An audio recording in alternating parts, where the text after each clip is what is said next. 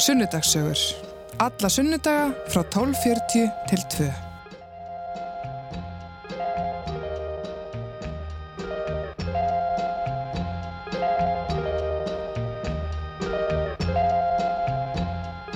Já, komið sælir kæri hlustendur, þetta eru sunnudagssögur, uh, sunnudaginn 23. oktober og það er Hulda Gestóttir sem er geskjafi í sunnudagssögum í dag og gestur minna þessu sinni er Edda Björk Arnardóttir, hún er uh, móður drengjana þryggja sem að uh, sóttir voru til Norex á engaflugvel síðastliði vor og um, fréttir af því hafa ratað í fjölmila og við ætlum að spjalla um þessa sögu hennar og, og fleira og, og heyra stöðu mála.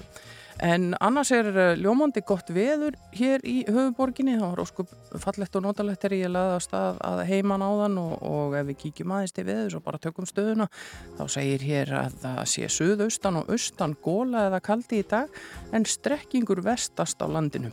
Það verður dálítið rigning við suður og vestuströndina en á norður og austurlandi verður þurft og víða bjart veður. Hitti á bílinu 2-7 stigi við daginn en í kringum frosmark norð-austanlands og um, ég var nú eitthvað að kíkja í gær og þá leitinu út fyrir að, að það væri svona frekar myllt veður í kortónum áfram á minnstakosti á Suðurlandi. Og svona þess að skoða þetta í sveitinu minni. En það segir hérna að verða austan 3-10 metrar á sekundu á morgun en 10-15 siðst lítilsátt að væta við söður og austuströndina og einni vestast á landinu fram eftir morgni. En í öðrum landslutum verður yfirleitt þurft og annað kvöld bætir svo í úrkomu sunnalands og hitin breytist lítið og um, já eins og ég sagði þá ætlum við að spjalla við gest okkar hér eftir augnablík og síðan eru þetta skemmtileg daskar hjá okkur á rástöðu í allan dag. Þegar að sunnudagsögum líkur kemur okkar maður Rúna Róbers hér að hljónumannum og verður til fjögur og svo er það Rokklandi með Óla Palla en við ætlum að heyra smá tónlist á meðan að við hittum upp fyrir spjallið. Og uh, þetta er uh, glænýtt frá Byrni Jörundi og þarna fær hann uh, Röggu Gröndal í lið með sér ekki amalegu félagskapur það. Lægið heitir Reyknaðu með mér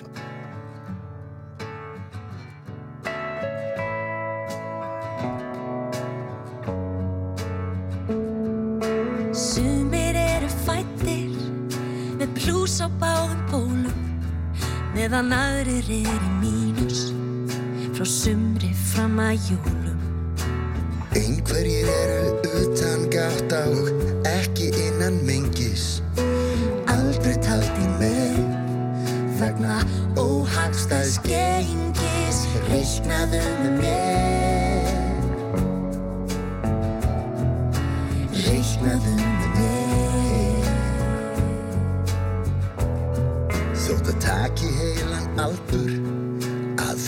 sitt samræmi getur samband myndli tvekja verið ósköp einfalt dæmi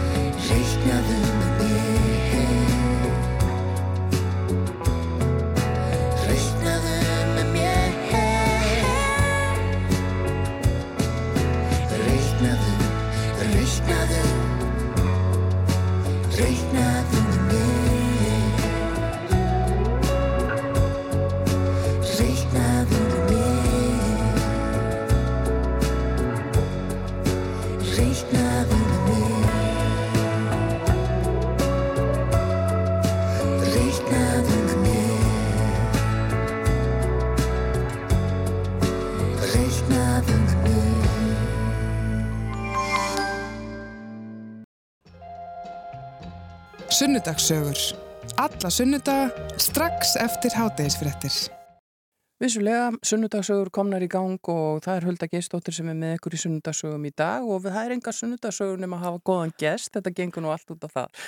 Og til minni komin Edda Björk Arnardóttir, uh, konan sem að, já, við getum sagt að hafi uh, komist á kortið þegar fréttir bárust að því hún hafi leikt enga flugil og hún nam síni sína brott frá Nóri og stendur í, í, í forræðis deilu þeirra vegna.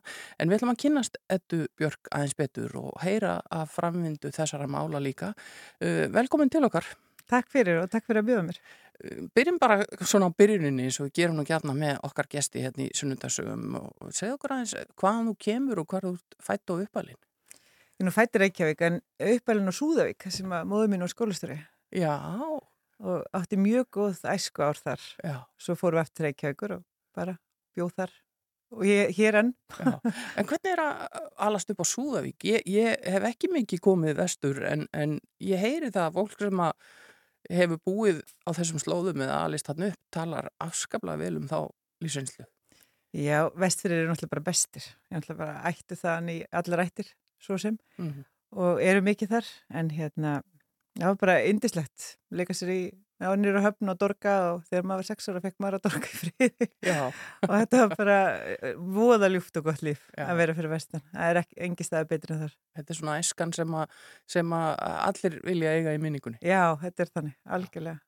En þú, sko talandi um æskuna og að því við erum nú, þetta snýst nú svolítið mikið um börnin og allt þetta, þá, þá vita kannski ekki allir að þú ert sjö barna móður. Nei, líklega ekki margir um mínum aldrei sem eiga sjöbötn Nei, ég held að það sé nú bara örgulega, sko kannski ekki með, en, en þú ert ábyggilega í, í hérna, fámennum en góðmennum hópi. Já, við erum nokkrar sem ég veit um sem Já. við erum það, en já. Varstu ung þegar þú byrjaði að regna spöld? 21 þegar ég á elsta Já, og, og á tvo drengi, var gift manninu mínu staðar og sem er nú látin já, og hérna, já, og svo fekk, fekk ég fími viðbútt. já, það var, það var setni hálfleikurinn, Það var það, voru fleiri, fleiri mörg í setni hálfleik. En, en þú sem sagt átt þarna tvo uppkomna stráka eh, sem að þú eignast svona, já, frekar ung, mm Mhm. kannski ekkit, ekkit óvinnilega ungt, en, en uh, þú nefndi það að, að, pappi þeirra, hann var í dán, hann lést ungur. Já, hann lést 35 ára, Já. Svanþór, hann fekk heilablæðingu og lést. Það hefur vantilega verið, verið áfall. Það var mjög erfitt og er bara erfitt, alltaf. Já. Það verður það. Já, það breytist ekkit með tímanum. Nei. Og Nei. þarna hefur þú staðið upp í, hvað varst þú gömul þannig? Ég var þá, já, 31 árs, en við vorum skilin, Já. þannig að það var svo sem, en við Já. vorum mjög góða vinur. En strákarnir litlir, Já, þeir voru bara 8 og 6. Já. Þannig að- hvernig er að, að, að sko, hvernig er að segja börnunum sínum svona tíðindi eitthvað neginn og, og, og vinna sig áfram bara yfir í næstu daga? Þetta er mjög sérstakt og þetta er mjög erfitt og þetta er mjög skrítin tími og mjög, veist, í baksinni speklunum þá var þetta, veist, maður man ekkert alltaf eftir þessum tíma. Þetta er mjög, og, en það er enginn, þess, það sem að, kannski maður hugsa svona eftir á, maður hefur kannski þurft meiri hjálp, Já. hvernig maður á að tekla þetta, hvernig maður á að ræða þetta við börnin. Mm Það vantaði, sem að ég sé reyndar í dag, að eru komin fullt samtök í dag Já. sem að eru að hjálpa fólki svona aðstöðum. Mhm. Þannig að það er bara mjög jákvæmt. Já. Ég hefði gætna, en við komistum ákveðlega gegnum þetta og já, mjög flotta unga menn í dag Já.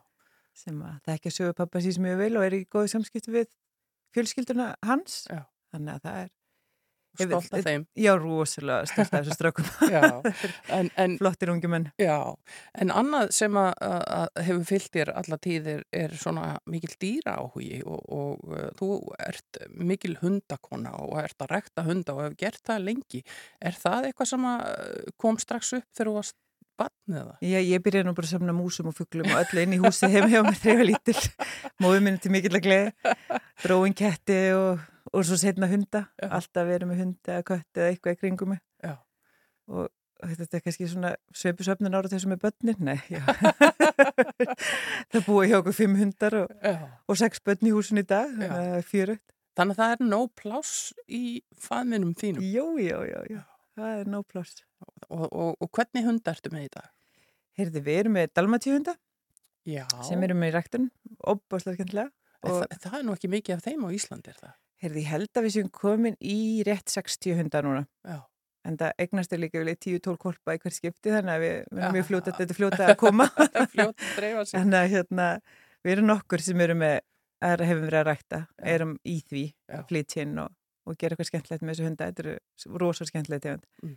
ég er einmitt núna með að fá eina, fá eitt góð núna á næstunni líklega einhverju 10-12 kolpar að koma þannig að það verið fjör hjá okkur næstu vikum. Og þetta er alltaf sko dalmáti hundar að minnstakosti fyrir mig og ábyggla marga minni kynslu þetta er svolítið svona góðsaknakendir hundar eh, sem að maður byggir náttúrulega á, á Disney eh, myndinu um, um 101 dalmáti hund og, og, og svona, þetta er eitthvað sem að maður hefur hort á í fjarska í öll þessi ári en, en þeir hafa nú ekkit verið eins og ég segi ekki fyrir en kannski nýlega svona aðgengilegir fyrir okkur Íslandika Nei og sem betur fyrir þá er þeir sem hafa verið að flytja inn núna hafa bara verið mjög meðvitaður um að flytja inn góð og skemmtileg eindök þannig að við Já. eigum bara alveg eigum, en þeir eru svona uppátækið samir. Eins og þú sérði í, í ævintýra myndunum þá er þetta líka uppátækið samir hundar.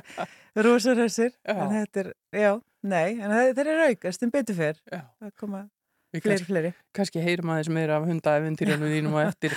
En uh, við snúum okkur aðeins að þessari sögu sem við ætlum svona svolítið að, að fókusera á í spjallin okkar í dag sem er, er uh, já bara þessi vegferð þín getur við kallað það Mm.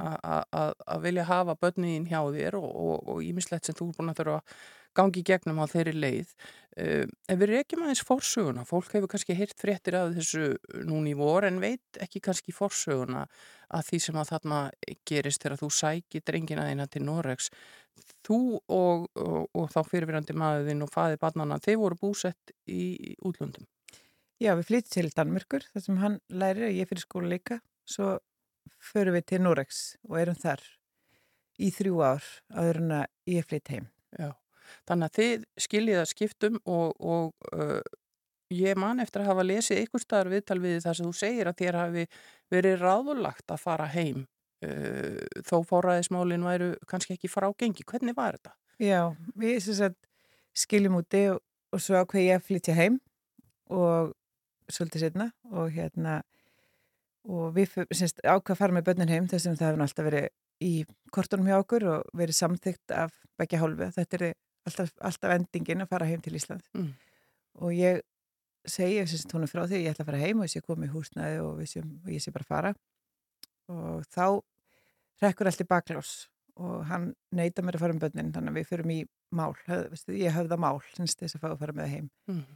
Um, ég fyrir heim um sum, þetta er sinns um vor ég fyrir heim um sumarið og börnin kom með mér og eru hluta sumri heima og við skiptum sumrin á millakar og svo fer ég sem sagt, eigum við fund með dómar og svo kannan sáttafund það sem að um haustið og það sem hann ráðleikum er að fara bara heim til Íslands og vera á Íslandi fram á jólum þanga til að dómurinn er þessist verði dæmt í þessu Já. í desember. En þessi sáttafundur, hann var í Noregi þá? Já, þetta er allt í Noregi, allt dómsmál er ekki fyrst í Noregi og hann ráðleikum er semst að fara til Íslands og stabilisera lífið mitt á Íslandi og koma allir svona í gang, atfinni húsnæði, þú veist, allir þessu, þannig að lífi sér svona stabiliserað áður en að við förum í réttin, annars er ég nú engar möguleika að vinna þetta mál. Já. Svo kemur dómsmáli í desember og það er annar dómari en þetta sem tekur við málinu og þá er ég í rauninni mér refsa fyrir að farið heim og ég að ég hefi skili bönni mín eftir og þar að leiðandi fá ég ekki að taka það með mér. Já. Já. En, en þú hefur vantarlega vísað í þessa ráðgjöf þína og, og, og að, að, að þú hafi, þið hafi talið það æskilegt að, að, að þú kæmur undir því fótunum að börnin kæmu. En, en þau eru ekki tekin gild á. Nei, þau voru ekki tengild og það sem er í dómsölum í Noregi það er ekki enduritt eins og hér þannig að við gætum í rauninni ekki vist, en þetta var sagt í dómsölum en við gætum ekki bara setta beint en þeir, við kynntum svo sem hafa sagt þetta en, en það var ekki nóg Og, og þarna er þá staðan bara að uh, er þá búið að dæma uh, honum fullt forræði eða hva, hva, Nei, við hvar, fáum- hver er staðan? Nei, við fáum samild forræði þar Já. og umgengni, eh, það er þá einhverju jólar, einhverju páskar, veist, sumar Já. og einhverju tími þar á milli, þá, sem við fáum þarna. Og hvað gerist næst? Ég fer heim og áfriða málunu. Ímsar ástæð fyrir því áfriða málunu og meðal annars bara fyrst og fremst náttúrulega vilji barnana að vera á, á Íslandi Mhm. og vera með mér. Ég náttúrulega hafið séð um þessi börn og er með þau mestu leiti alltaf al, algjörlega og það var ekkert og það var í dómsmálinu engin efi á því að ég hefði verið præmal umsjónur aðli barnana eða svo er þetta að segja umunur aðli barnana Mm -hmm. en hérna já, þannig að þú veist við höldum áfram í dómsmáli sem að ég áfriða svo og tapa. Líka þrátt fyrir að séu komið þá ímiskvagt sem að hefði átt að sannfara um að ég ætti semst að börnin væri, þeim væri betur borgið hjá mér. Já. en þar kemur til dæmis sálfræðingur á málunum sem er sérst kallað sálfræðingurinn er kallaður hérna þetta er svona þetta er svona eins og í dag mat, dóms, hvað er matsmaður í Íslandi kallað og hún segir henni bara við mig og sýstu mína að af hverju ætti Núriður að setja börn til Íslands þegar við höfum ekki stjórnað um þar. Við sendum ekki börn á landi. Það er henni þá bara algjörlega óháð stöðu bassins í Núriði eða, eða aðstöðu bassins í Núriði þeir senda bara ekki lönd, börn úr landi. Já, og það er bara punktur. Alveg sama þó að þau séu íslensk Já. og eigi fjölskyld á Íslandi og, og, og aðstæður séu góðar til að taka á móti þeim. já það er henni, hefði, hefur ekkert að segja Já. þeir bara senda ekki börn úr landi Og hvað voru þau gömul þegar þessi staða er komin upp? þarna, þetta er já, 2017 þegar þetta byrjar og Já. þá er litli maðurinn minn hann er það fjara ára gammal Já. og tvíbröndin sex ára þannig að stelpunar er seldri Já. En hvernig var, sko það er erfitt fyrir mann að setja sig einhvern veginn í þessi spór, jafnvel þó maður sé fóreldri sjálfur, um, bara hvernig leiðir við þessa niðurstöðu og, og, og hvað sástu fyrir þér að gera næst? Varstu bara uppgjöfin þarna eða? Nei, aldrei gefist upp af því að ég er bara full að trúa því að því, þessi vegferð að fá börnum mín heim hefur verið svo eina rétta þannig ég hef aldrei gefist upp en þetta er búið að vera erfiðara heldur en orðfólist oft og Mm. tíðum en ég á rosa góða mann og góða að sem Mm. hafa hjálpað mér í gegnum þetta Já, Þannig að það hefur hjálpað mjög mikið. En þetta er búið að vera, já, virkilega erfitt. En ég hef haft bara það viðþorf í lífunu og hef það ennþá að þú, það er fullt af góðum hlutum í gangi líka. Og maður er alltaf að, maður er einblín, veist, nota góðu dagana til þess að vera góður. Þú veist, Mhm. maður er ekki að kæfa sér í sorginni. Maður er að reyna að standa upp og gera þessi skemmtilegt líka. Já. En gera allt sem ég get til þess að, að fá þið heimsamt og meðan. Þú veist. Þannig að þú í raun og veru snýrð aftur heim þarna til Íslands og þú er búin að áfriða þessu máli og, og, tapa því og uh, ferð, sestu bara niður og ferða skipleggja eða, eða hvað gerist næst? Bara, Nei, þetta virkar nú ekki alveg þannig. Við bara við áfrýjum málinu og, og, og svo þegar við töpum hann áfrýjunni þá ef- hefur maður bara hugsað, þú veist, hvað er hægt að gera, hvað getum við gert, af því að við vissum alveg hvað börnunum verið best borgið. Og við von, vorum alltaf að vona og við meina með góða lögmenn allan tíman að um, barnaðindur yfirveldi í Noregi og domstólar í Noregi myndi sjá hvað væri í gangi mm -hmm.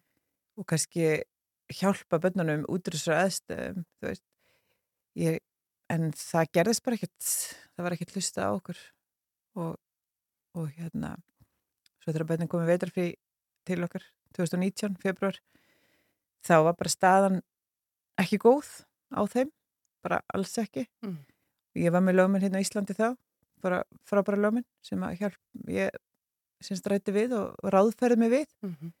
og upp úr því koma við ákveðum að halda þeim eftir Íslandi og sendu það ekki tilbaka þar sem okkur fæst aðstæðunar óviðurandi, hreinlega Já. og margt sem að við höfum til þess að raukst í að það mál Já. Og þú hefur nefnt sumt af þessu í, í öðrum viðtölum. mm. Uh, þetta voru hlutir sem að lúta bara til dæmis að heilsufari og, og heilbriðis eftirliti og öðru Mhm. til líku sem að, að að þér, þér fannst ekki verið í lagi. Já, og, og já, sérstaklega veist, og hluti af þessu var mjög slæmt tannheilsa bannara Já. sérstaklega drengina tryggja og það var hluti af því var í málskögnunum í Nóriðin, þeir hlustu ekkert á það einhvern veginn virtist vera alveg saman hvað við gerðum, alveg saman hvað við sögðum, við sögðum við barnavend þess að, já við ringdum í hann og hann sagði að þetta var í lægi.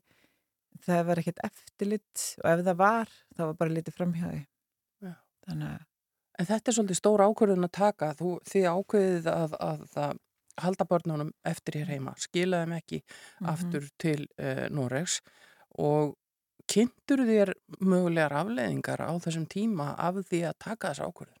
Já, já, ég vissi alveg hvað við getum, í hverju getum lent. Já. En mér fannst við bara að vera með þenni mál eh, og bara að vera með börn á þeim stað að það var ekki forsoranlegt fyrir mig sem fórildri að skila út. Ég hefði brotið mína skildur sem umunaröðli barnana, hefði sendið út aftur í þess aðstöðu sem voru í. Já.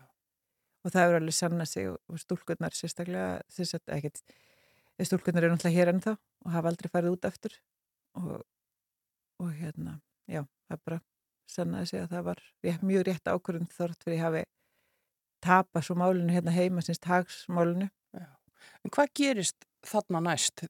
Þú skilar ekki börnunum og, og hvað tekur við eftir þá ákvörðun og, og, og hvert er ferlið og hvað gerist?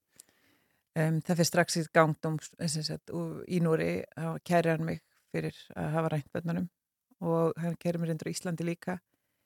Uh, hann fyrir fram á afhendingu börnana það er þessi hagsáttmáli sem ég talaði um það er sérst afhendingu barna og það fyrir strax í gang um, við að já þeir eru við förum bara strax í að, safna gögnum og, vera, og í, þú veist að koma bönnunum í skóla koma um í F-heilbris ummönnun mm. hjá tannleiknum og öðru tók svolítið tíma að fá leið fyrir því að það hófst svo endanum mm -hmm. en svo hann að töpuðmálinu í hér, sérst, í héræði og áfríðinni til landsrættur sem staðfæstu úrskurð hérastóms þannig að fyrir gangi í júli innsetning svo kallið þar sem að hann sækir börnin heim með aðstóð lauruglu og barnaðandröfvalda er unni gera hann það sjálfur en barnaðand er hann til stað til að, að gæta að réttundu barnana og lauruglun er unni staðan til að vera vissum að vera ekkit vesen á fullurinn fólki sem er til staðar. Og hvernig virkar þetta? Er bara bankað upp á heimahjáðir og, og börnin borin út? Hvernig virkar þetta? Nei, innsetninga nú yfirleitt þannig að, að þú, hún er bara fyrir fram ákveðin tímasetning þar sem að fólk getur staðar. Þeir eru búið að aðfenda börnin í innsetningu í þessum börnir annars verður, það eru búið að aðfenda þau í rauninni. Um, það var ekki mögulegi fyrir mig að gera það vegna þau vildi ekki fara, þannig ég gæti ekki rauninni aðfend börn sem vil ekki fara þannig að ákveðum að fara þessa leið, að hann kemur þó að fengja sækjaði mm. Eh, stelpunna neytu að fara, hann þær of, voru of gamlar til sem geti tekið er með sér gegn vilja þær voru, ja, veist, þær hann hefði getið búið er burtin, það var of stóra til þess mm. þarna þessum tímpundi. Og það er þannig að ef að við komandi getur ekki reynlega borið batnið í burtu, það er of stórt og, og streytist á móti eða hvernig mm -hmm. sem mhm. það er, að þá er ekki að fá lögguna eða eitthvað til þeir, að hjálpa sér við það? Ég held að þeir gerið ekki, nei, ég held að það sé bara banna kannski tilfellega sem barni er í hættu á staðnum en gerir sér ekki grein fyrir sjálft, jú þá myndi það kannski vera þannig en ég held annars ekki, það sé ekki gert, ég held að það sé ekki lift. Já. En þetta er svolítið sérstakt að, að þær hafi náð, að, eða geta mótmælt nú harlega þannig að þær fóru ekki en, mm. en þeir kannski Ætla, minni og... og. Littlegur er maður náttúrulega bara að tefla sexur og hann bara held að húnum út Já. og tvíbröðnir voru náttúrulega heldur ekkit stórir þannig að það var ekkit málrúsi fyrir hann að fá þá með sér en, okay. en, en þarna eftir þetta heyrði ég ekki í þeim í þrjá mánu og sá þá ekki sjö mánu eftir þetta En sko hvernig var þetta? Ég meina, hvernig getur maður staðið og, og horta á, á eitthvað bera börnin sín í burtu? Þetta er algjört, þetta er svona tráma í lífunu og fer maður fyrir aldrei, þú veist, þetta er eitthvað sem að þú veist, þetta, er, þetta er bara trámi sem þú upplýður, algjör. Og börnin líka, þannig að þetta er náttúrulega já, þetta er, þetta er mjög slemt þetta er mjög slemist dagur já. og þetta er dagur sem við glimur aldrei. Og hefur vantanlega áhrif eins og á þau bara það sem eftir er eða? Já, maður, maður, við erum að því að þetta, þetta er sluti því sem við erum að ræða á hjálpaðum gegnum í dag, vinna á þessu það hefur ekkert verið unni í þessu með þeim. Hvað gekk á þegar við ekki fengið hann aðstöði því? Þess að þeir Það, það var ekkert sem tók við út í Nóri eitthvað ferli til að sinna því? Nei, fengi enga aðstöð.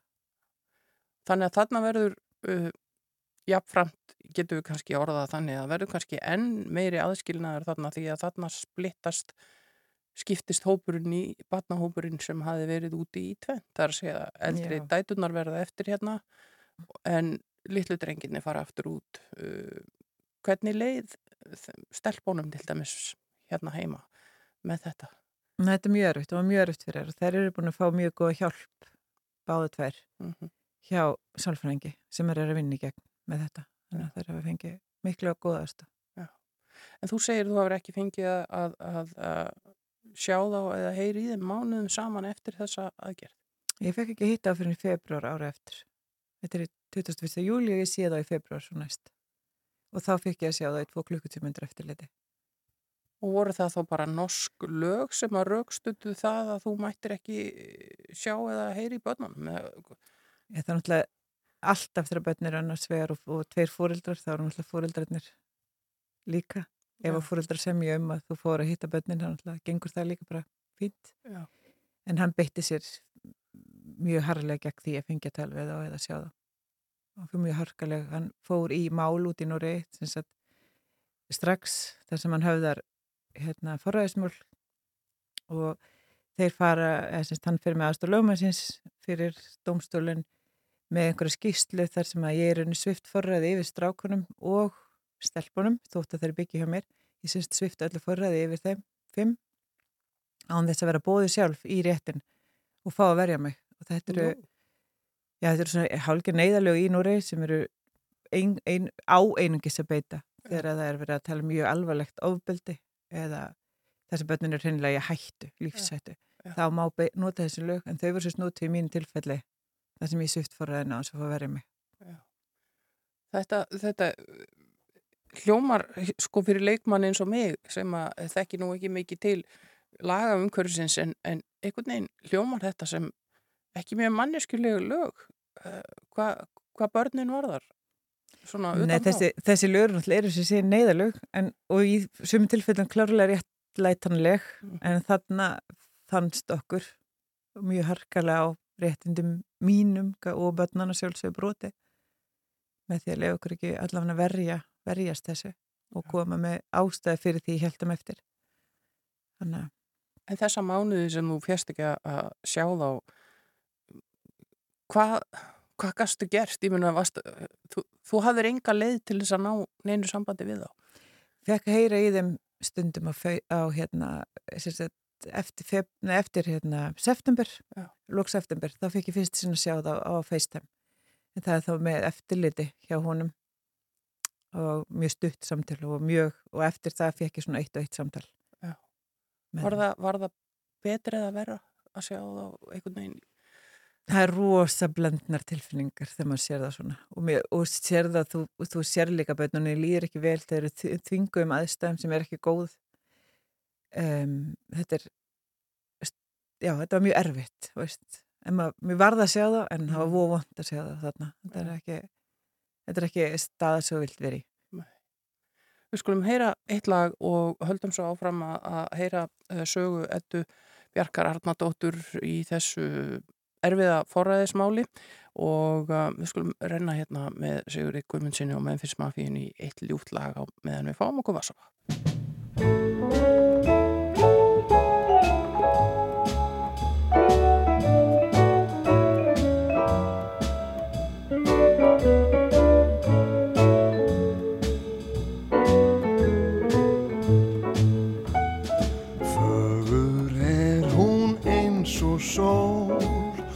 Klætt í rauðan satín silki kjól.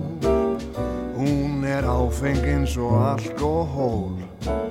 Lady fish and chips.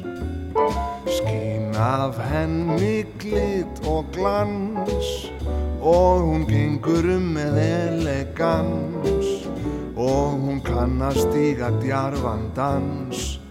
Lady Fish and Chips þannig Amos bógan upp hún spennir.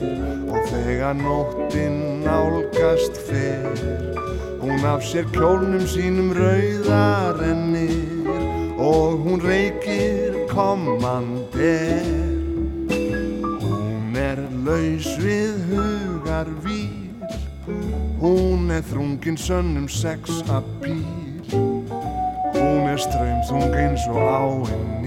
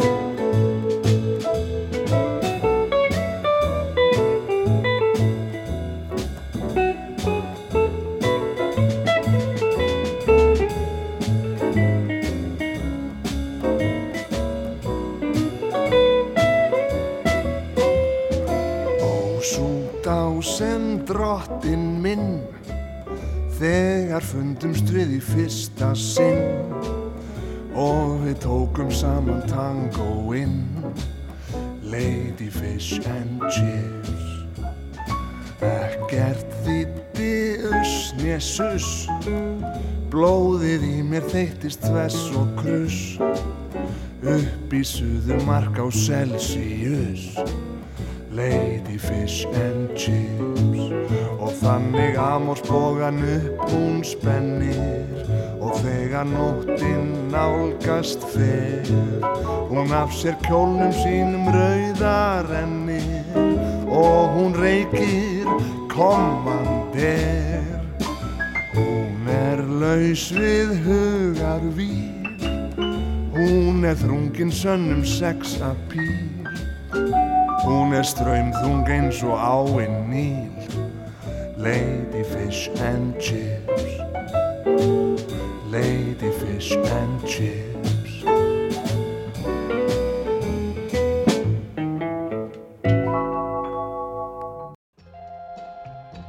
Þú ert að hlusta á Sunnudagssögur.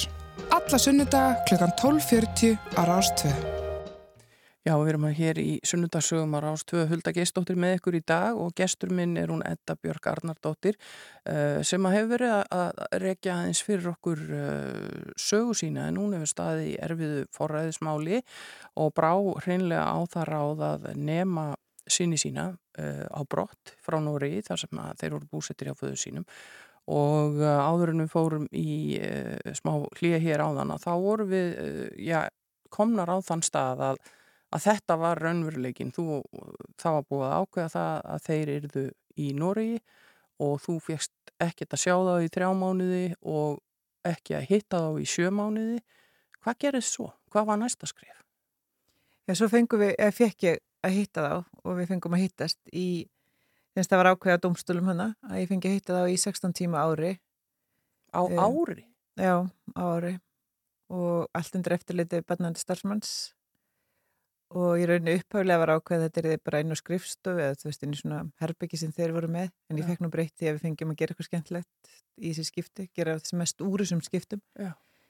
um, reyndar kom svo fram að ef ég væri tilbúin til að borga barnandi starfsmanni fyrir að vera í auka klukkustundir ja. þá gengið upp í fengi einhver auka tíma en það er þá undir háð því skilir þið að fadurinn myndi leifaða líka þannig að ég áttum alltaf þann möguleika en hann var svolítið erfir í, í framkvæmt. Já. En sko 16 klukkustundir á ári, í, það er algjörlega óskiljanlegt fyrir venjulegt fólk að meðtaka þetta þegar maður heyrir svona að þá ósælrátt gerir fólk, já allavega margir ráð fyrir því að, að það hljótaður ykkur svakalega ástæða fyrir þessu.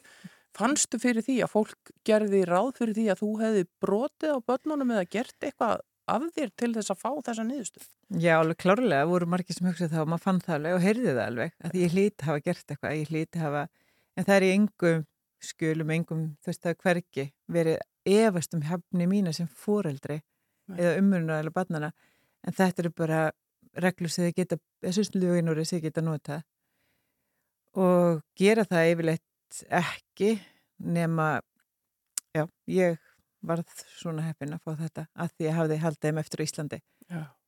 En eftir allt þetta ferli og þú ert auðvitað búin að vera í dómsmálum þarna úti, um, er, þekkjuru til fleiri sem hafa uh, lendt í þessu eða er þetta eitthvað sem að, er bara lögjöfinn þarna svona? Lögjöfinn núri í, í réttundu batna er mjög erfið og oft og mikið verið brotið á börnum, bæði barnaðendamál um, semst, fólk hefur lengt mjög illa í barnaðendanemnd í Núri og það er semst barnaðendamál og það eru svona forræðismál og börn, fólk sem semst flytur til útlanda, þetta er mjög, þetta er mjög þungt í Núri og bara eins og núna eins og staðan er, eða var bara núna um daginn, þá eru semst það voru 43 mál hjá mannreitindómstól Európu frá Núri í barnaðendamálum og um forræðismálum, umgengsmálum mm. þessum málum, í þessum málaflokki og það var búið dæmi 13 og Nóriður hafði tapað í öllum 13 þannig að við sjáum bara þar strax þetta, þetta ferli sem er í gangi og það sem er í gangi í Nóri það er ekkert þetta, það er land sem hefur barnasáttmálun sem, hefur, sem er aðelda barnasáttmálunum sem hefur mest flest mál hjá mannreitndómstólum og færi rauninni raskill í hvers skipti. Ég held að það hafi ekki unnið mál ekki sem ég veit til. En allavega af þessum 13 sem eru núna dæmt eru öll töpuð. Svo ég ítrykki það nú einn enn og aftur, ég er ekki löglærið á neittnátt en, en mín tilfinning er að hér á landi sé gríðilega mikil áhersla lögð á það að báðir foreldrar fái á umgangast börnin og, og, og, og það er mikið lagt upp úr því að jafnvel aðstofa foreldra sem að eiga í erfileikum til þess að þeir séu færir um að hitta börnin sín og eigða með þeim tíma en þetta er alveg þau verið aukt. Já, er nú einhverju brúð til að mér á sig hér líka hef ég nú heyrti Jú, efa, án efa. En, en ég held samt að þetta þess ég lendi í þarna og börnin að fá þess að 16 tíma árið sé ekki sé við ekki að tala um Íslandi held að þetta sé, þetta er ekki staðan hér. Það er mjög betur fylst með börnum hér og fylst með fóreldrar og, og, og þeim er hjálpað eins og segir. Um, en í mín tilfelli var það ekki eins og þegar við þurftum einhverja hjálp í samskiptum eða hjálp í neinu. Nei en þetta er bara ákveð út frá, út frá því að, að halda börnunum í Núri en, en hérna. Þú nefndir annað áhugavert við mig að erum að tala um þetta að halda börnunum í Núri uh, að því við erum aðeins að spá í bara stöðuna í Nóri hvað þessi mál varðar án þess að vera sérfræðingar. En, en þú nefndir við mig hérna áður en við fórum í loftið uh, þetta með börnin frá Úkrænu núna. Segja okkur aðeins frá því Já, það er mjög áhugavert að börn sem sagt að úkrænumenn eftir að stríðbröst út þá báður um hjálp að taka sérstaklega börn frá barnaheimilum, bæði börn sem voru munalös og börn sem byggur barnaheimilum að örum ástæðum að hjálpi að senda þau á landi að meðan að stríði væri. Og, og mjög mörg lönd buðið sér fram. Og Nóriðu var eitt af löndunum sem buðið sér fram. En úkrænumenn neyta að senda börn til Nóriðs að því að normenn skilir þess að þeir setja fyrir að skila börnunum aftur til Núres, nei til Úkrænu voru bara ekki þannig að, Úkrænuminn tristuðum ekki til þess að senda það tilbaka. Þannig að þeir mátu sem svo að það veri betra að hafa börn og barnaheimilum í Núri í strísraður landi heldur en að senda það til Núreks af því að norskum yfirvildum veri ekki tristandi til þess að skila þeim. Já, þetta er áhverð ég hef ekki hýrt þetta, þetta fyrr. En, en þannig að einhvern veginn upplöfu við það þá að, að að það sé svona stefna normanna að bara senda börn ekki úr landi. Já, þeir, og það var alveg sagt þarna í þessum, semst, í þessum því sem að normenn setti fram til þess að gagvart Úkrænu, skilirðin voru til dæmis að þeir eru að vera vissir um það að börnin færu til foreldra eða ömmu og afa og jafnvel ömmu og afi var ekki nóg og þeir eru að vera vist um að það veri betri stað að heldur en í Núri aður en að senda börnin tilbaka. Já sem var náttúrulega ekki þetta að þú getur ekkert lofa því í Ukrænu svo staðanir í dag en auðvitað vilja að fá börni sín heim aftur. Já, það er mjög sérstakt að vera sko utanakomandi aðilinn og ætla að leggja línunar Já. í staðan fyrir að, að vera að bjóða fram einhver aðstóð sem síðan kannski að markmiði séu þetta að fólk getur snúið aftur heim og, og búið í sínu landi.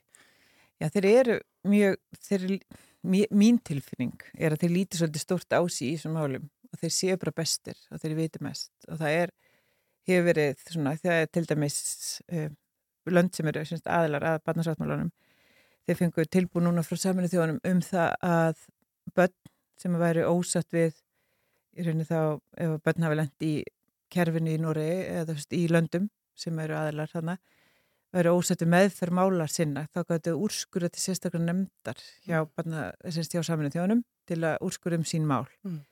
að 48 lönd hafa samþygt þetta, meðlans Finnland og Danmörk eru búin að samþykja þetta sérst þessi, að börni fá að senda á þessa nefnd.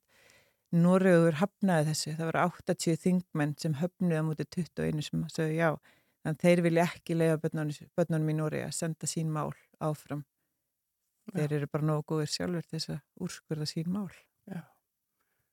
En aftur að þínum málum og, og þínum börnum, uh, þannig er þessi niðurstaða komin og uh, þetta er hver mörg ár síðan að þessi niðurstaða kom með þessar 16 klukkustundir á ári sem hún fengi til að eða með sonum þínum. Það var í februar 2020 sem að það kemur sérst þá, eh, þetta byrjaði 2019 það fannst ég eða ekki í 7 mánu svo fæ ég úrskurinn í februar 2020 um að hitta, eða sérst um að ég fá ekki hitta á nema 16 tíma ári. Og hvernig leiðir? Bara þetta var ekki öll það var virkilega erfitt. Og við erum erfitt bara að setja sig við að þetta væri bara hægt þú veist að þú gætir henni úrskurða svona. Og þannig ertu líka sko í úrskurðunum er ekki bara ég og drengirni fáum ekki hittast heldur ertu bara að taka af þeim sískinni þeirra, þeir eiga náttúrulega fimm sískinni, önnur. Þeir eiga ömur og afa og þeir eiga semst, ömmu og afa mín megin sem þeir fá heldur ekki hitta. Mm -hmm. og frændsískinni og, og fólk sem þykja vænt um þau fylgta fólki sem að þeir eiga stór vinahópur og þau þekkja allt þetta fólk mm -hmm. þannig er þetta bara að tekið af þeim með einu pennastriki og þeir eiga þá að búa í Nóri með mjög takmarkað sagt, net af fjölskyldu mm. bara, það er engi fjölskyldi í Nóri mm. og sískinin eru bara þeir eru bara sviftir sískinu sínum að þeir, þeir, í þessu kemur svo fram að þeir fá ekki hitta sískinu sín mm. nema, eftir, sérst, nema þá að sýstur fara og hitti þá hjá föður sem var ekki möguleiki á þessum tíma því þær vildi ekki fara út mm -hmm. og voru líka hrættur um að fá ekki koma tilbaka aftur þannig að það var bara engin þetta var ekki einu svona möguleiki í þeirra huga að, að hitta þá þannig að það, þeir eru alveg sviftur öllum sínum réttindum til þess að hitta fjölskylduna sína ja. Hvenar fóstu svo og hittir þá uh, eftir þetta allt saman og, og, og hvað gerðu þið? Hvernig skipuleikum við það svona dag? Þess, við hafðum næsta, sérst, eftir þess að tvo tíma sem ég hitti á þannig fyrsta skipti þá var ákveðið, ég held að það verið april hitti á í fjóru tíma tvo dagiröð og sko minn kvíði fyrir þessu var náttúrulega bara veist, þú, þú, þú, sem þú byrjar að kvíða fyrir áðurinn fyrir út að skilja, skilja fara frá þeim aftur mm. það er henni þú þurft að peppa upp brjálæst tilhökun en, en sjúklu kvíðið um að fara aftur. Veist, það er bara, veist, þetta er svona þetta er algjörir öndveri pólar sem þú ert að kljást við í haugðinu fram að og allir alveg bróðist ekki spennt. Bara jú, en þú veist, á, meðan var maður að kapna á stressu sko. og svo er hitt, þú veist, að hitta þessa manniski sem á að vera yfir þér og passa þig mm. að þú segir ekki eitthvað vittlust ég átti til dæmis bara að tala norsku þóttu við séum íslensk, ég mátti ekki tala íslensku við á og ég mátti bara tala norsku við á um, og þetta var svona þetta var rosa skrítin tilfinning. En við gerum bara, fyrst, við fekk frábæra konu, algjörlega dásamlega konu sem að kunni starfsitt mjög vel. Mm -hmm. gerði líf okkar mun auðveldra í þessu fjóru tíma. Þannig að hérna Þannig að við bara fórum í dýragarð og hengum vorum að leika og bara, þú veist, gerðum bara eitthvað skemmtilegt, þú veist, við vorum í, tókum, þeir fengurinn að velja, tókum bara fullt að nesti og grillum í dýragarðinum og eitthvað svona og fórum í sund og... Og letuðu svona... þetta bara allt til hliðar á meðan, voru þið bara að njóta augnablíksins? Já, bara að njóta, ekkert, um ekkert að tala um neitt erfitt, leðilegt, ekkert, það vorum bara að njóta. En að samanskapir náttúrulega þegar að leiða þessum, þú veist, þegar það var svona klukkutíminn eftir þá þú ert samt alltaf, frá fyrstu mínut ertu fyrir að horfa símaðin, teka klukkunni já, þú ert á skeiði klukkunni allan tíman Úf. Og síðusti klukkutímin var orðin erfir þá var þeim fyrir að leiðla, þú veist, mjög leiðla þú veist, maður var að reyna að peppa sér upp sko, þú veist, mm. ánum að fara að kveðja. Mm -hmm. þetta var ekki vilt Nei, ég trúi því. Og svo, og þarna þú nærða að dreifa og tekur þá það eins og segir og dreifir svo tvo daga, fjóra tíma, gott dag svona einhvern veginn bara til að gera kannski meira úr þessu að fá heila helgi ja, það var bara ekki til bóðir en annað. Nei, þetta er bara, þetta svona er þetta. já. og þannig að já. þetta máttur að gera tviðsar árið já, svo fekk ég reyndar hann að auka tíma sem ég, ég greitum fyrir og einu sinni sagt, 2021 fekk ég að taka á með mér í eina nótt í gistingu með starfsmanni en Já. það var einungi sögna þess að þessi sama kona hún kom með og lánaði sögumbústæði sinn og hún var bara dásamleg þetta er Já. bara algjörlega dásamleg kona Já. en að svo var er- eftir það læsti hann á allt auka það var bara hann, honum hugnaðist ekki þessi að, að því að skýsla þessa barnættastarfsmanns var á þann veg að drengirnir yrðu að hitta mig meira Mm. og þetta veri ekki gott fyrir á þeim liði greinlega mjög vel með okkur, með mér og síndu mikla þörf og meiri samveru og síndu það að þetta veri alls ekki nóg Já. og hennar skýsla fórsins til barnandanemndar og hann sér hana og þá var bara þá var læst á þess að hún var rekin frá þessu starfi þess að hún, henni ekki rekin úr, úr starfinu sem barnandfittrú en var ekki, henni var ekki leift að vera með okkur samveru aftur. Já. að því að hún var ekki sammála dómnum. En þarna hefur þá hitt á svona svolítið mannúðlegri kannski fulltrúa þessa kerfi sem að Já, þú ert að gaggrína. já, náttúrulega að sjálfsög fylgta starfsfólk þetta sem er mjög gott starfsfólk. En það er kannski bara kerfi sjálft sem er erfitt. En, og, en, en já, já, fylgta góðu fólki en líka, það er engin evi og hún var ein af þeim sem var algjört gull í þessum hóp Hvað leið langur tími þetta uh, sem að þú varst í þessu ferli að mega bara hitta drengina þína 16 klukkutíma ári? Var þetta eitt ár eða tvö eða Þetta var næstu þrjú ár þetta var næstu því þrjú ár? já. Það sem á þeir hitta ekki sískinu sín fekk ekki sömu af á engan og svo í 16 tíma ári Já. Það sem að þrjú mjög löngar Já, ég trúi því. Við skulum heyra eitt lag og uh, færum okkur svo hinum megin við lagið yfir í, já, svona kannski næri tíma, yfir í þennan uh, flutning drengjana heim og hvað hefur tekið við að því loknum. En uh, það er Adele sem allar syngja fyrir okkur fallet lag á meðan. Þetta heitir When We Were Young.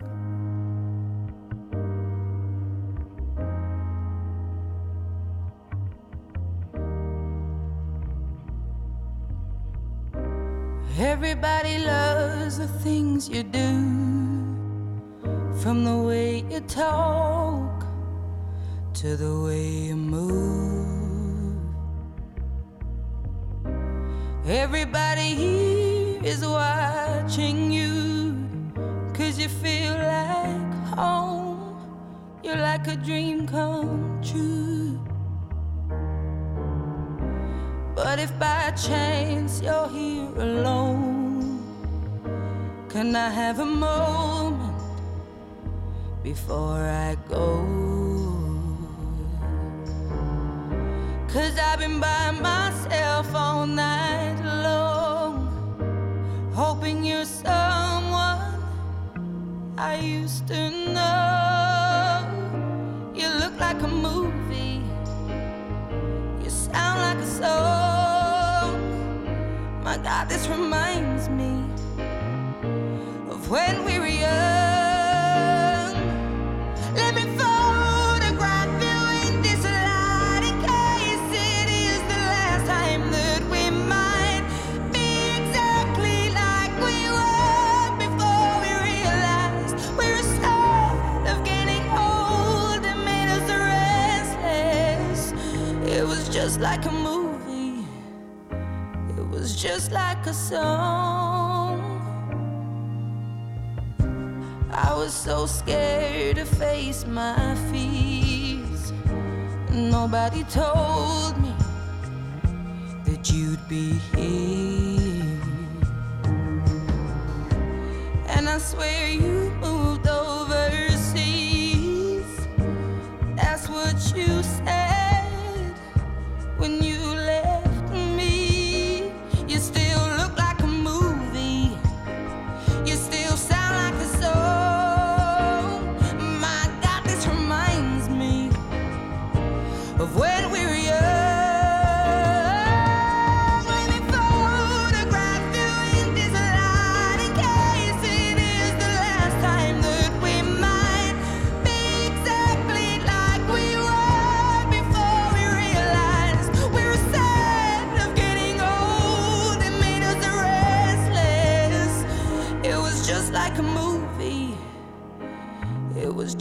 like a song.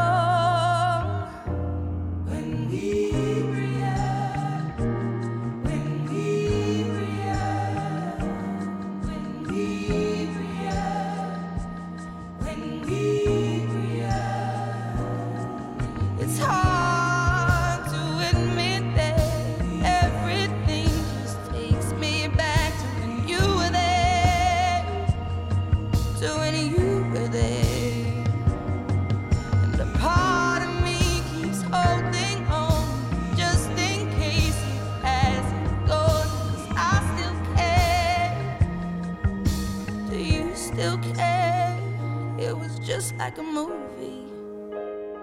It was just like a song. My God, this reminds me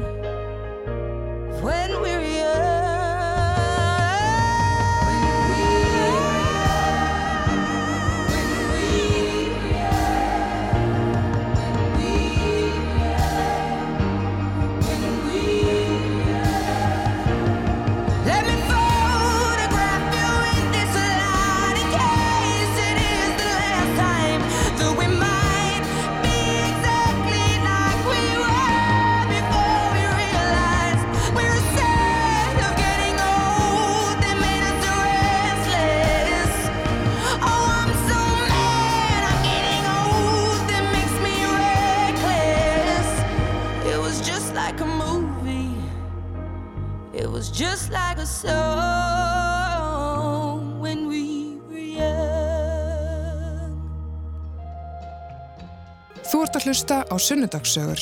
Alla sunnudaga klukkan 12.40 á Rástvö. Áfram höldum við hér í spjallinu okkar Edda Björg Arnardóttir gestur minn í sunnudagsögum í dag og við höfum verið að ræða ja, já, þetta forræðismál hennar eh, sem að, þar sem að hún eh, já, brá á þá ráð hreinlega að nema sinni sín á brott og við erum eiginlega komnar þangað. Þú ert býrðið þann raunveruleika að verða þrjú ára með að hitta þrjá unga sinniðina 16 klukkustundir á ári og þetta þróast síðan í það að þú tekur þá afdrifaríku ákvörðuna að ná hreinlega í þá.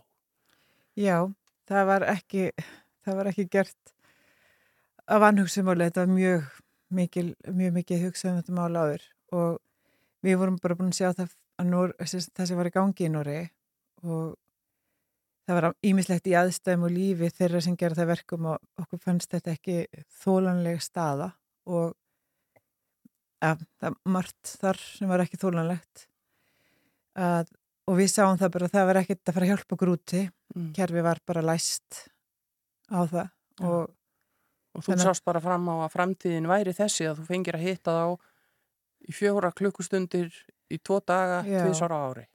já og, og líka bara, veist, en aðalmáli var kannski það að, að ef að þeir hefðu haft það gott og væri sáttir og lífið er að væri bara fínt það hefði maður og þetta væri ásættanleg staða fyrir börnin öll þá, þá kannski, þá hefði maður ekki gert þetta Mm.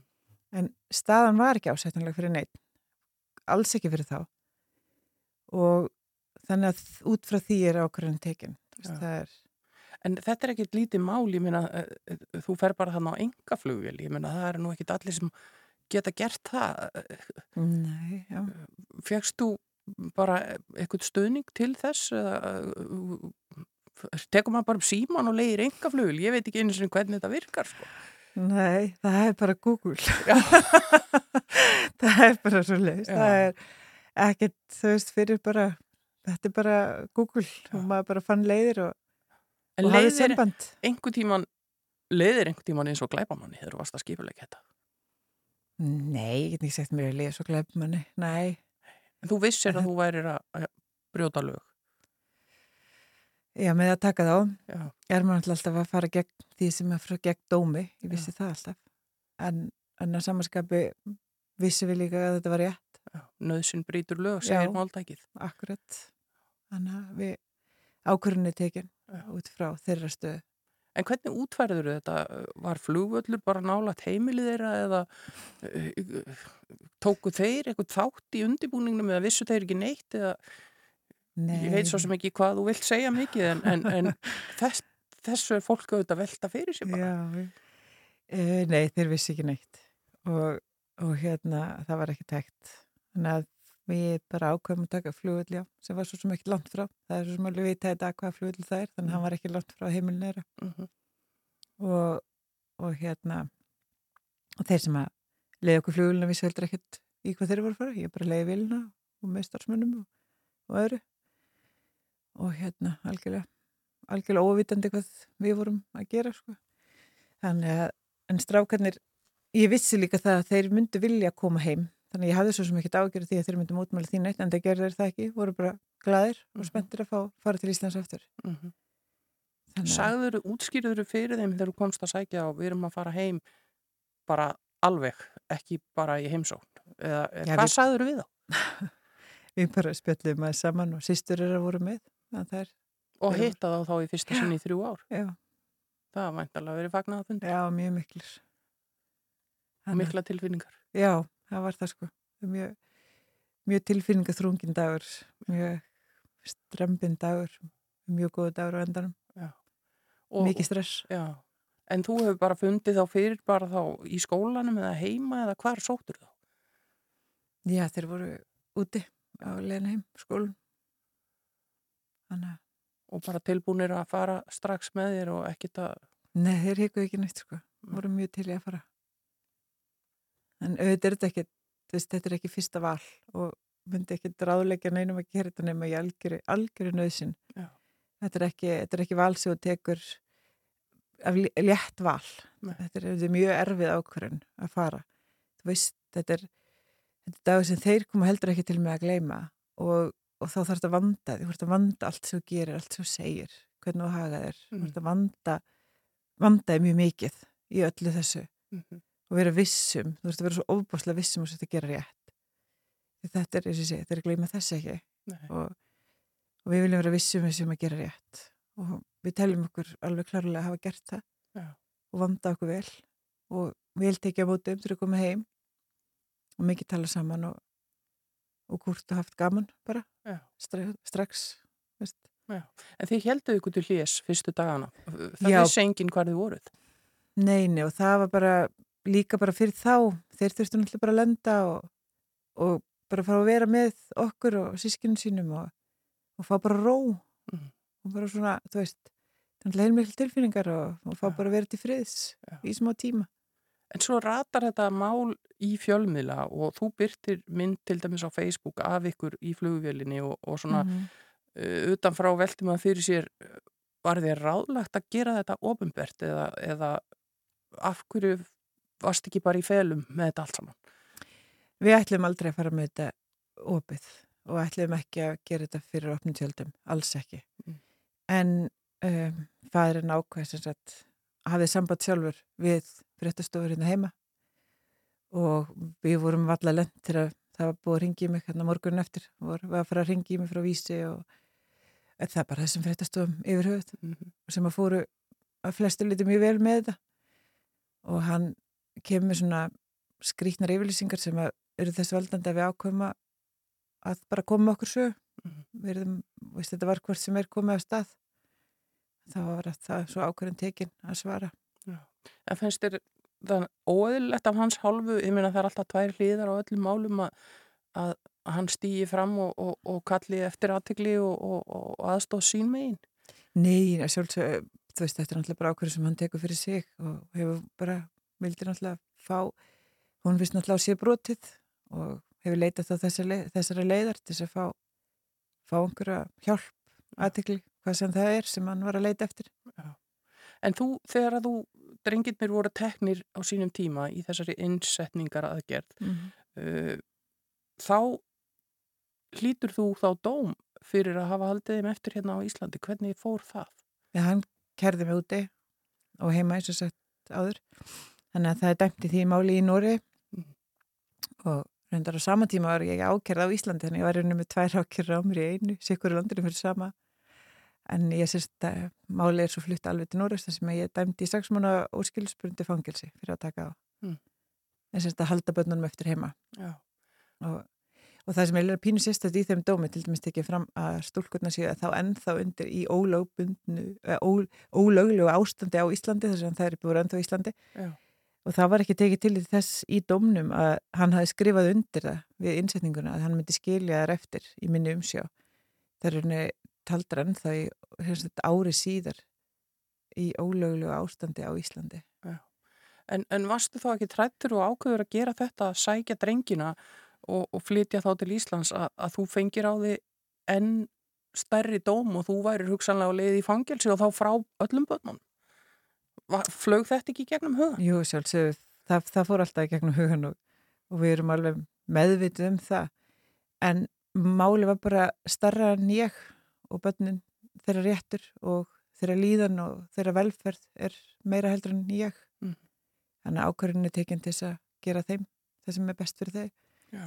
ég tek það bara aflengum af því að þær verða einhverjar og ég þarf að gera það núna til dæmis þannig að það þeirra staða er bara alltaf mikilvægari heldur en veist, það verður alltaf einhver til að taka Já. boltan hérna heima og með þeim ef það kemur eitthvað upp á En hvernig er staðan núna? Það eru liðni nokkru mánuður, þetta var í vor sem að, að þeir koma hérna heim.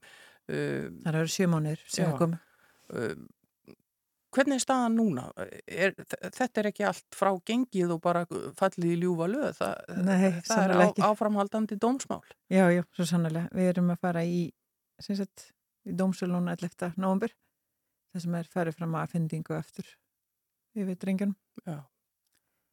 Og það En- er hér heima. Það er hér heima. En mér finnst, um, eins og staðan er í dag, mér finnst málið, er hægt að segja það, betur unni af dómstólum núna heldur maður gert. Það var kyrt svolítið í gegnum dómstólum síðast á, án þess að væri kannski tala almennilega við börnin og strengirna fengur til þess ekki að tjási í fyrra dómsmáli hérna heima og sem er unni réttu batna að fá að tjá sig en þeir fengu það ekki.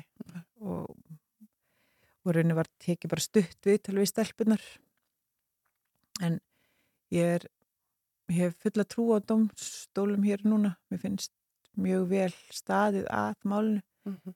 það er vel hugsað um allt sem er í gangi, það er hugsað um að, að gera þetta rétt finnst mér, mér finnst já, mér finnst þetta já, mér finnst vel, vel hugað að því að, að þess ekki vera að brjóta réttindum batnana þetta Og þeir eru komnir í bara skóla og tómstundur og annað hér heima og, og, og farnir aðlegast nýju Já, já, þeir eru bara góða vini og standa sér vel í skóla og námi og íslenskan bara öll að koma til og, og þeir eru, já, í fótbolta og lifa bara rosa eðlilegu lífi eins og hægt er, eins og staðan er, bara vennilegu stráka lífi bara, þeir eru bara En ert þú aldrei hrætt? Ert ekki hrætt þegar þeir fara eitthvað út að leika og þú heyrir ekki frá þeim alveg strax eða, eða hvernig er að lifa við þetta á meðan að málið er ófrá gengið? Jú, svo er alltaf stress. Ég held að það fær aldrei. Ég held að það fær ekki finna að vera tvítur og það fær ekki eins og þá. ég held að verða alltaf þannig. Veist, það er bara, það er bara hlutur sem að vera bara eiga við sjálf veist, og díla við sjálfur. En þú ert núna, það er þessi 11. nómber er, er þessi dagur í, í, í, í dómi Mm -hmm. þannig að það er svona kannski næsta stóra skrefið í málinu Ertu, þú talar um þú hafi meiri trú á dómstólunum núna heldur en kannski áður og þetta sé betur gert Ertu bjart sín á þetta mál? Ég sé bara þessi passíf. Já. Ég er með frábæra lögmenn og eins og sé, við erum, okkur finnst við erum með bara solid mál, skiljum við þegar okkur finnst þetta bara vera nonsens eins og þetta var. Mm. En maður heldur svo bara í rauninni. En síðan að drengirnir komið hérna heim hafa verið eitthvað samskipti við föðurinn? Mm, nei, hafa ekki verið neinn samskipti við hann. Um, við hefum búið honum það. Við hefum búið honum að tala við þá og, og búið honum samskipti sem hann hefur ekki þegið. En svona ef þú hugsar stóru myndina og, og horfir svona lengra fram í tíman, myndur þú vilja að, að samskiptin gætu orðið góð og, og börnin þín fengju umgangast báða foreldra sem að lítur þetta alltaf að vera einhvern veginn markmið, ertu bjart sína og það geti gerst einhvern tíman? Ég veit að vona ég að, að e, samskiptin verði þannig að, og, og meðan að, börnin fái líka bínilega bara stjórnaði sjálf mm. veist, þau, þau ætla ímislegt búið að ganga á sem að verðum ekki að fara að reykja hér sem að gera það verkum, þetta er erfitt mál Mm. staðan í dag til dæmis að dætur okkar eru 15 og 16 ára gamlar og það er velja eiga hafa ekki hitt það, það er bæði velja og hann hefur ekki búið upp og það, þeir hefur ekki hist í þrjú ár og þetta er þetta er ekkit einfalt heldur það er ímislegt gengi á þeirra á milli sem gerir þetta verkum um, og Þetta svo er ekki, ekki neinn lítil skref að taka. Nei, og, og það er heldur ekki verið unnið því að bæta úr því eða, eða ræða það og kannski vinna í því sem gekk á til þess að búa til ný samskipti og búa til, eða bara vera með nýjan grundvöld fyrir einhverjum samskiptum, það hefur ekkert verið gert. Og ég til það alltaf að ábyr foreldrisins sem hefur þá, þessi þess tilfelli hann eh, er ekki samskiptið við börnin, það að vera hans að byggja upp og búa til grundvöld fyrir nýjum samskiptum ef hann vill það. Mm. Það er bara ekkert verið gert og þetta er þótt að þær vilja ekki samskiptum þá lítið það er samt erfitt. Það er erfitt því ég held að höfnunin sé líka þarna hjá þeim að því hann er ekkert að gera neitt í því að búa til önnu samskipti. Ekki það ég, eins og staðinu núna er, er engin spenna fyrir þeim en, en það er alltaf hans að reyna. Já, já. Og það er auðvitað skal tekið fram að við erum náttúrulega bara að ræða aðra hliðmálsins hérna, við erum Já. bara með annan aðiland þannig að, að, að, að það er erfitt að, setja sig inn í, inn í uh, sjónamið hins. En uh, svona, hver er svona draumurinn þinn um, um uh, framtíðina og, og fjölskylduna þína og er, er það svona bara einn risastór hópur af börnum og hundum og hamingi og gleði? Já, já, bara hafa þetta eins og þetta núna nefnum bara kannski aðeins örugari stað Já. að bara allir séu heima og við búum hérna ansi mörg saman og bara dásand, dásanda líf eins og það er Já. en auðvitað vonist ég til þess að samskiptin á hinn veginn verði þannig að, að það sé að þeir geti átt í samskiptum góðum samskiptum og, og, og unnið í því með hjálp og aðstóð Mm. að það verði en, en, en já við sjáum þetta bara fyrir ykkur við erum með tíu börn samtals og eitt barnabörn og tengda börn og þetta er hansi góður hópur og, og mjög gaman okkar heim í loft. Þetta er svona stór, risastór fjölskylda. Mjög, mjög skemmtileg og mikil, mikil samskipti okkar á milli allra. Já, og það hefur gengið vel, þetta er auðvitað stuttu tími þessi sjö mánuður en, en það hefur gengið vel að, að svona einhvern veginn að aðlagast að þessu breyta heimilislífi og, og utanumhaldi um, um, um þetta allt saman ásamt í að vera að vinna í, í þessu máli. Ég gengi bara rosalega vel veist, þetta er bara, þeir bara komu inn í hópinu eins og það eru alltaf verið þar og eru já, eru bara partur af þessari stóru fjölskyldu. Þetta eiginlega bara ótrúlega vel. Mm. bara þeir eru bara hluti af hópnum og urðu það strax eftir einhvern veginn. Og það er bara dásanlegt, dásanlegt að fylgjast með því.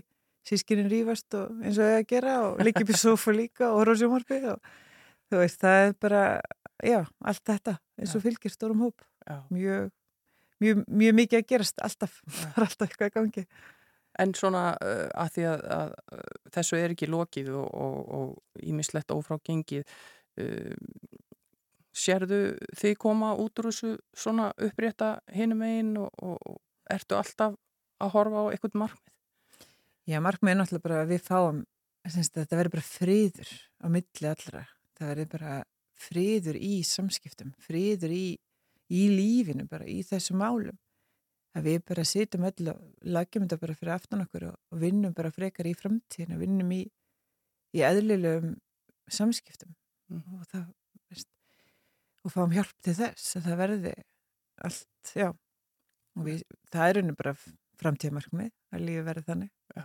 það verði ró Það verði ró og friður í fjölskyldunni. Svona eins og hægt er með tíu börn og, og hvað var að margir hundar? það eru nokkri hundar. Já, já, það er greinilega ímislegt að huga. En uh, málinu er ekki lokið og, og eins og þú nefndir að þá er svona næsta skref það er kannski í, í næsta mánuði og, og uh, unnið áfram með þetta þaðan. Eh, Takk fyrir að koma til mín, Edda Já. Björk Arnardóttir og, og fara yfir sögu þína og deila henni hér með hlustendum Rásar 2. Takk kærlega fyrir að koma. Takk fyrir að hafa mig Já, alltaf gaman að spjalla við fólk um allskins sögur og, og uh, hluti sem er að gerast í þeirra lífi. Við ætlum að enda sunnudagssögur á ljúfum söng uh, sænsku hljómsveitarinnar The Cardigans, þetta heitir Lead Me Into the Night, en hér hinum einn við fréttinnar klukkan 2 er það svo okkar maður Rúna Róbers sem ætlar að vera hér í góðu sunnudagsskapi og spila skemmtilega tónlist og spjalla við fólk. Takk hjálpa fyrir að hlusta og ég minna að þátturinn verður aðgengilegur á eftir fyrir þau ykkar sem ekki náðu öllu saman. Sunnudagsögur aftur að viku liðinni og þá er það Andri Freyr sem verður geskjafi í mannrétt. Takk fyrir í dag.